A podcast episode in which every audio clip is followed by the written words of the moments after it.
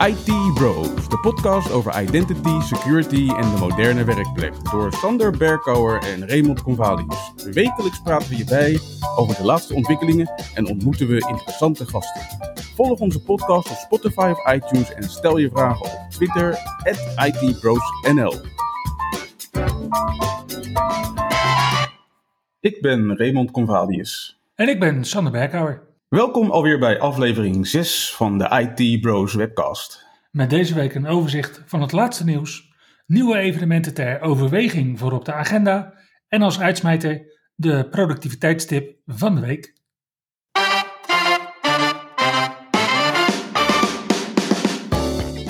Microsoft neemt afscheid van user voice. Vorige week dacht ik nog dat er sprake was van een storing op user voice, maar dit kalenderjaar wordt per product het feedbackkanaal omgezet van user voice naar de diensten van Microsoft zelf. Deze week ging het om de user voice forums van Office 365 en ja, ze zijn gewoon uh, spontaan uh, offline. Bye bye, zwaai zwaai, user voice. Het nare is dat Microsoft niet de standaard aanpak heeft gebruikt. We zien het al de hele tijd toch, Ray? Je zo'n hele mooie in-your-face melding voor een periode voorafgaand aan einde ondersteuning. En dan, ja, op een gegeven moment denk ik dan van, nou, laat ik het dan maar uh, gaan fixen of zo. Dan ben ik er vanaf. En dan ben ik meestal ruim op tijd. Maar bij User Voice en vooral nu bij de Office 365 forums was het patsboom over en uit. Die forums zijn gewoon in één klap niet meer beschikbaar. Zonder, in ieder geval noemenswaardige, vooraankondiging. Mensen kunnen uiteraard hun mening blijven uiten op de Microsoft Questions and Answers bij docs.microsoft.com. Maar ja, dit soort beslissingen, ik vraag me af of de sfeer daar dan nog steeds wel zo tof blijft als die nu is. Ja, ik vond UserVoice toch altijd wel een uh, ja, prettig kanaal om even richting een productteam te laten weten van hey, uh, misschien moet je hier aan denken. En dat ze ook gewoon zeg maar nog de feedback gaven van nou, we werken eraan of het zit eraan te komen en... Uh, dat je in ieder geval een soort van houvast had van of ze ergens ook van door hadden dat het nog niet klaar was. Ja, we hebben afgelopen week natuurlijk de, de, de Ignite Special gehad. En, kort maar krachtig. Ja, het was inderdaad kort maar krachtig. En eigenlijk hebben we ja, de, de elephant in the room wel een beetje overgeslagen. Hè? Want de, de, de, grote hoofdrolspeler op de Ignite-conferentie was natuurlijk Teams.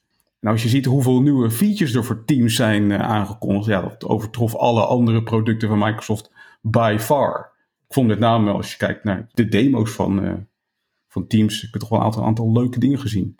Nou, wil je dan zeggen dat jij als IT-pro, als echte infra-guru, nu warm loopt voor Teams? Nou ja, ik ben gebruiker van Teams, eh, laat ik het zo zeggen. En okay. dit, ja, wel heel intensief inmiddels ook. Misschien ja. intensiever dan, dan me lief is.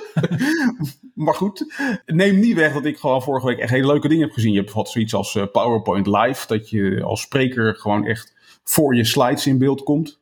Zag er gewoon echt, echt netjes uit. Oké, en dat kan je dan doen zonder dat je gebruik hoeft te maken van bijvoorbeeld uh, Camtasia of OBS? Inderdaad. Nice, gewoon ingebouwd in Teams. Juist. Nice. Ja, en, en er, er komt allerlei nieuwe webinar functionaliteiten aan. In hoeverre dat zeg maar gaat concurreren met de overige webinar producten, geen idee. En uh, ja, andere leuke dingen als uh, presenter mode en een Teams Intelligent Speaker, waarbij je dus automatisch degene die spreekt uh, in beeld krijgt. En, en iets dat heet de View Switcher, waar ik ook wel nieuwsgierig naar ben, dat je makkelijk kan switchen zeg maar, tussen verschillende views. Waaronder één view die ook erg lijkt op Zoom, dus dat je gewoon al die fotootjes van je collega's boven in beeld krijgt in plaats van onder in beeld. Ah, oké. En, en als je het mij vraagt, een, een, aantal van die features zitten volgens mij al stiekem in de laatste update van, uh, van de Teams client. Van de week zag ik opeens allemaal nieuwe knopjes opduiken in de ja, Teams client. Ja, ik zag ook nieuwe knopjes. Dus uh, moeten we maar weer mee gaan spelen, denk ik, Ray. Absoluut. Ja, en daarnaast hoorde ik ook nog dat er een, uh, een light versie van de client beschikbaar komt. Alleen klonk het voor mij wel heel erg als de Progressive Web App die je nu hebt met, met, met Microsoft Edge Chromium. Want het schijnt ook dat Edge Chromium required is om met de, de light versie straks van de client aan de slag kan gaan. En, en wat ik vooral hoop is dat de functionaliteit van de full client ook naar die webclient toe komt. Want, uh, ja. ja. zoals achtergrondfilters bijvoorbeeld. Ja, dat is wel een, uh, een grote nog. Ja, dat is echt wel uh, de missing feature van, van de webclient op dit moment. Nou, deze week was bij Microsoft week B. Dat betekent een Patch Tuesday. vorige week in week A hadden we natuurlijk stiekem ook al een Patch Tuesday. Maar dan voor Exchange Server beheerders die niet achter de feiten aan willen lopen. Ah, deze week uh, was het dan tijd voor Windows en Windows Server. Er zijn weer een aantal mooie kwetsbaarheden geadresseerd in deze community update en security updates. En voor Windows servers die als DNS-servers opereren, werden er vijf kritieke remote code execution lekken gedicht en twee elevation of privilege kwetsbaarheden. Zijn allemaal eh, toegankelijk via het netwerk, dus ja, dat is wel een dingetje. En ja, ik denk dan, wanneer Brenno de Winter in de virtuele pen klimt op Twitter en aangeeft dat deze DNS-server kwetsbaarheden toch wel echt serieus zijn, dan weet je dat je in actie moet komen. Sowieso 9,5 op die schaal van 10 op de, van de CVS-scores klinkt serieus genoeg, denk ik. Uh, heel serieus. Ja, maar het kan altijd serieuzer en Hyper-V spant deze maand de kroon. Een remote code execution kwetsbaarheid scoort 9,9 op de CVS-schaal, die dus tot 10 gaat. En volgens mij betekent dat dat je er alleen maar hoeft te kijken en dat je het al kunt misbruiken. Nou, gelukkig, deze kwetsbaarheid is alleen aanwezig wanneer gebruik wordt gemaakt van het plan 9 bestandssysteem. Ik heb nog nooit gehoord van een plan 9 bestandssysteem, maar het klinkt wel serieus met een 9,9 op schaal van 10. Ja, en we leren nog eens wat. Weet je, het plan 9 bestandssysteem. Ja, ik uh, moest ook even uh, bingen. Maar goed, dat zijn dus uh, acht van de 42 updates van deze Patch Tuesday. En daarnaast waren er nog updates voor Windows Shell, User Account Control, Windows Fundamentals, Windows Core Networking, Windows Hybrid Cloud Networking, Windows Kernel, Windows Graphics en Windows Media. En vier van de kwetsbaarheden worden momenteel reeds actief aangevallen. Dus het is zaak om snel te beginnen. Maar wel met enige terughoudendheid heb ik alweer begrepen. Want er waren alweer wat issues met blue screens als je probeerde te printen, geloof ik. Dus, uh... Ja, er waren uh, inderdaad problemen met een aantal uh, merken printers. ja. Maar op een Windows Server denk ik dat het maintenance window niet snel genoeg kan komen. Vooral ook omdat de mitigerende maatregelen die je als beheerder kunt treffen minimaal zijn deze maand. Dat betekent dat je kwetsbaar blijft wanneer je niet update. Hebben we daar cijfers van? Ja, uiteraard. Nee, het National Cybersecurity Center rapporteerde maandag nog dat 4 op de 10 Nederlandse exchange servers nog kwetsbaar zouden zijn. Dat moeten we beter kunnen, lijkt me. Ja, dat, dat kunnen we zeker beter. Weet je waarom? We zijn IT-pro's. We weten precies hoe we dingen snel en goed moeten oppakken. We kunnen veel beter dan, dan de bad guys. En die bad guys overigens, die dus ook fouten maken. Hoorde je, ja, hoorde je van OVH Cloud deze week? Ja, ik heb van de week wat foto's voorbij zien komen van, eh, van brandende datacenters. Ja, dat was een groot, uh, groot kampvuur. OVH Cloud, dat is dus een, een ja, wat minder frisse hostingpartij in Frankrijk, waarvan deze week een datacenter in Strasbourg is afgefikt. Security professionals die advanced persistent threats, zowel staatshackers en dat soort lui, in de gaten houden, die zagen dat een derde van de command and control servers die bij OVH werden gehost, ongeveer 140, dat daarvan dus een derde onderuit ging. En deze kwaadwillenden hadden dus helemaal geen rekening gehouden met zaken zoals, uh, nou ja, waar houden wij als IT-pro's rekening mee? Multiregio en schaalbaarheid en dat soort dingen. Ja, wij, denk, wij denken al in, uh, in, in threat models en dat soort dingen. Ja, maar volgens mij hebben ze bij OVH ook wel een beetje over nagedacht. Alleen die vier, er waren geloof ik vier datacenters en die stonden min of meer tegen elkaar aan. Dus de fik in de ene datacenter heeft volgens de andere datacenter aangestoken. En, en toen stonden ze alle, alle vier in de fik, geloof ik, zoiets. Ja, ja het, het, is, het is zo jammer dat je als kwaadwillende gewoon geen gebruik kan maken van AWS en Azure. Niet waar? ik vind het sowieso een mooie naam, OVH Cloud. Kijk, wij Nederlanders kunnen dat gewoon uitspreken. Hè? Maar ik heb op school geleerd dat Fransen die H helemaal niet uitspreken. Dus misschien was de gedachte gewoon bij uh, het opzetten van het bedrijf wel dat ja, als je een naam ook niet kunt uitspreken, dat je dan ook niet in een onderzoek naar voren komt. Ik vind het bijna net zo mooi als het trending topic deze week op Twitter: Pablo's IJskobar. Dit was de naam van een ijswinkel in Bennebroek, waar een hennepkwekerij achter schuil ging. Crimineel lekker ijs. Ja. een mooie quote van, uh, van de metro, inderdaad. Ja, ja, maar zo, zo, zo gaat dat, inderdaad. Weer een stukje meer serieus, denk ik dan. Mm Veeam bracht eerder deze maand versie 11 van Veeam Backup and Replication uit. Dat is het vlaggenschipproduct van Veeam. En het bevat een groot aantal hele grote nieuwe verbeteringen en een serieus aantal kleine verbeteringen. Zo'n zo'n 200 kleine verbeteringen. En als je dan kijkt naar die grote verbeteringen, dan noemt uh, Veeam bijvoorbeeld op basis van VMware hoor, bijvoorbeeld Continuous Data Protection. Dan kan je dus als je gegevens hebt in VMware Virtual Machines, dan hoef je dat niet langer met snapshots te doen of zo, maar je kan dan een filter driver installeren op je VMware hosts.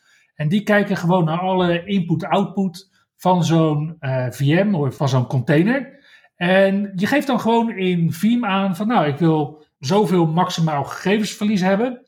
En Veeam regelt het dan gewoon allemaal voor je. Dus geen domme snapshots, geen moeilijke, dure storage die je nodig hebt. Dat kan uh, Veeam gewoon allemaal met Continuous Data Protection. Klinkt uh, geavanceerd. Ja. ja, dat is wel echt iets waar heel veel grotere organisaties vooral echt op zitten te wachten. En daarnaast biedt Veeam vanaf versie 11 een hardened repository. Dus wat ze zeggen is, en daar, daar, is Veeam natuurlijk al een tijdje geleden mee begonnen, is van ja, wat je eigenlijk wil is dat je je backup opslaat op immutable storage. Onveranderlijke media. Dus je maakt een, een backup en uh, dan stel je je storage in dat alle gegevens onveranderlijk zijn voor bijvoorbeeld 30 dagen, of voor 60 dagen, of voor 90 dagen. En dan kan ook niemand het aanpassen. Beheerders niet, Veeam niet, ransomware niet. En dat is precies wat ook een hoop organisaties nodig hebben. Nou, dat kon je natuurlijk al met AWS S3 storage. Uh, dat kan nu ook on-premises met uh, Linux. Nou, die S3, die S3 storage, die je dan dus niet meer nodig hebt, maar ook de Azure Blob Storage bijvoorbeeld, die kan je nu inzetten in scale-out backup repositories. Dus je hebt zo'n hele dikke backup server staan met gigantisch veel schijven erin.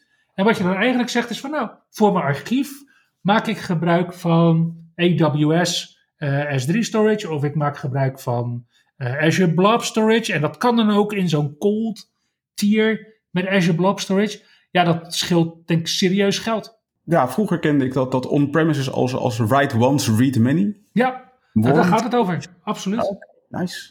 Ja, alleen ja, hoeveel moet je nou een backup teruglezen, denk ik? Je hoopt nooit. Je hoopt het nooit. Ja, ja tenzij je misschien klant bent bij OVH Cloud. Dat, dan, dan moet je nu wel serieus aan de bak. Nou, daarnaast zijn er dus nog honderden andere kleine verbeteringen in versie 11 van Veeam Backup en Repository. Eh, heb je daar nog een persoonlijke nieuwe favoriete feature bij? Ja, ja ik, uh, ik, ik heb een hoop van die uh, implementaties heb ik, uh, mogen ontwerpen. Misschien is het eigenlijk wel gewoon te stom om te zeggen, maar voorafgaand aan versie 11 had je, om dus Veeam Backup en Replication te beheren, had je lokale beheerrechten nodig.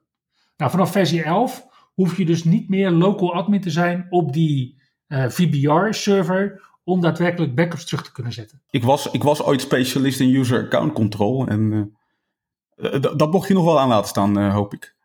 Ja, dat, mag je, dat mocht je toen al aan laten staan, mag je nu natuurlijk, kan je er helemaal op los. Ja, nu kan je het ja. gewoon helemaal dichtzetten. Nice. Ja, gaan we echt weer, weer een grote stap, denk ik, naar local user lowest privilege. Ja, standard user, ja. Yep. Nou ja, wanneer je het hebt over organisaties die beginnen met een V, kunnen we het uiteraard ook over VMware hebben. Voor vSphere hanteert VMware nu een zesmaandelijkse release schedule. Er komen dus pakweg elke zes maanden updates uit. En deze week was het de beurt aan vSphere 7 Update 2. Waarmee het één jaar oude vSphere 7 product, dus de tweede grote update, ziet. En VMware positioneert zich met deze update prominent als platform voor het hosten van artificial intelligence. Maar er zijn ook grote updates voor meer normale workloads, zoals applicatieservers en domain controllers. Mocht je bijvoorbeeld gebruik willen maken van de virtuele TPM-chip en van VM encryption, dan heb je sinds deze update geen aparte KMS-server meer nodig. KMS-server zeg je? Staat dat nog steeds voor Key Management Server? Ja, ja, ja. Nee, KMS staat dus nog steeds voor Key Management Services. Maar voor VMware en Microsoft betekent dat op dit moment wel twee verschillende dingen. Voor VMware gaat het om sleutelmateriaal ten behoeve van versleuteling. Dus echt informatiebeveiliging. En bij Microsoft gaat het om sleutelmateriaal ten behoeve van volume licentieactivatie. Dus omzetbescherming. Alhoewel, er gaan geruchten dat KMS geen onderdeel meer uitmaakt van Windows Server 2022. Lijkt me redelijk voor de hand liggend dat Microsoft daar een eind aan gaat maken. Hmm.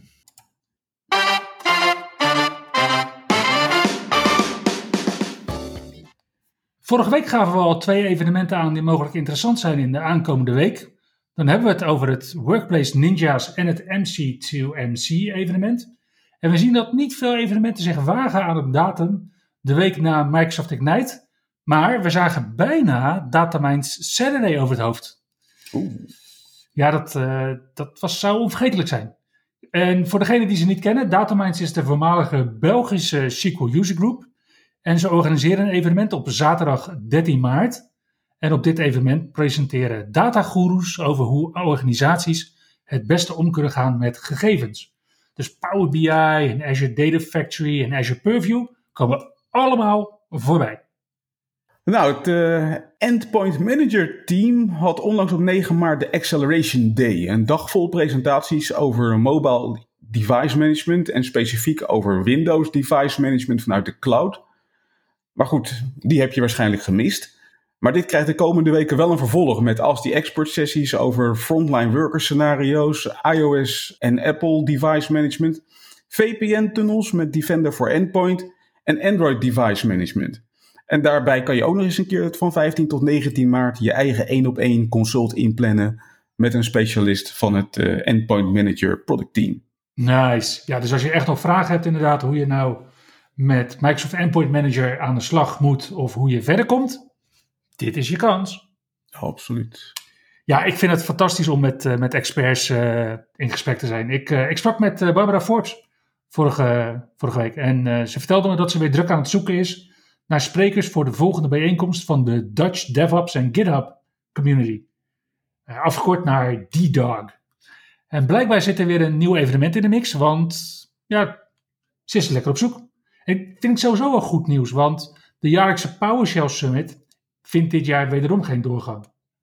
Nou, D-Dog heeft nog geen concrete datum, maar hou vooral de website in de gaten op ddog.nl. Ik vind het echt een geweldige naam, D-Dog. Volgens mij moet je, moet je daar een, eh, een, een, clip bij maken met Snoop Dogg of zo. Een, een of andere hip-hop clip. Ik vind hem zelfs nog veel vetter als jij hem uitspreekt. Die dog dus. Oké. Okay.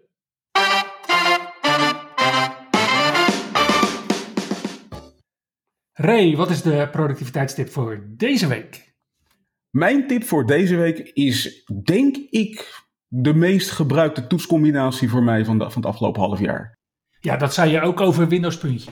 Ja, dit, de, nou word je een beetje ongeloofwaardig, Ray. Welke gebruik je nou het meest? Lastig. Laat ik zo zeggen, Windows Shift S kwam er wel bijzonder goed van pas laatst met de, de uh, Ignite-conferentie. Ik kwam namelijk ook nog even kortstondig in beeld. En okay. dankzij Windows Shift S kon ik dat moment feilloos vastleggen. Want uh, wat doe je met Windows Shift S? Dat is de toetscombinatie om makkelijk en heel snel een screenshot te maken. Je kan hierbij kiezen tussen vier modus. Rectangle, dus gewoon een vierkantje. Freeform, je eigen uh, rondje of iets wat daarop lijkt.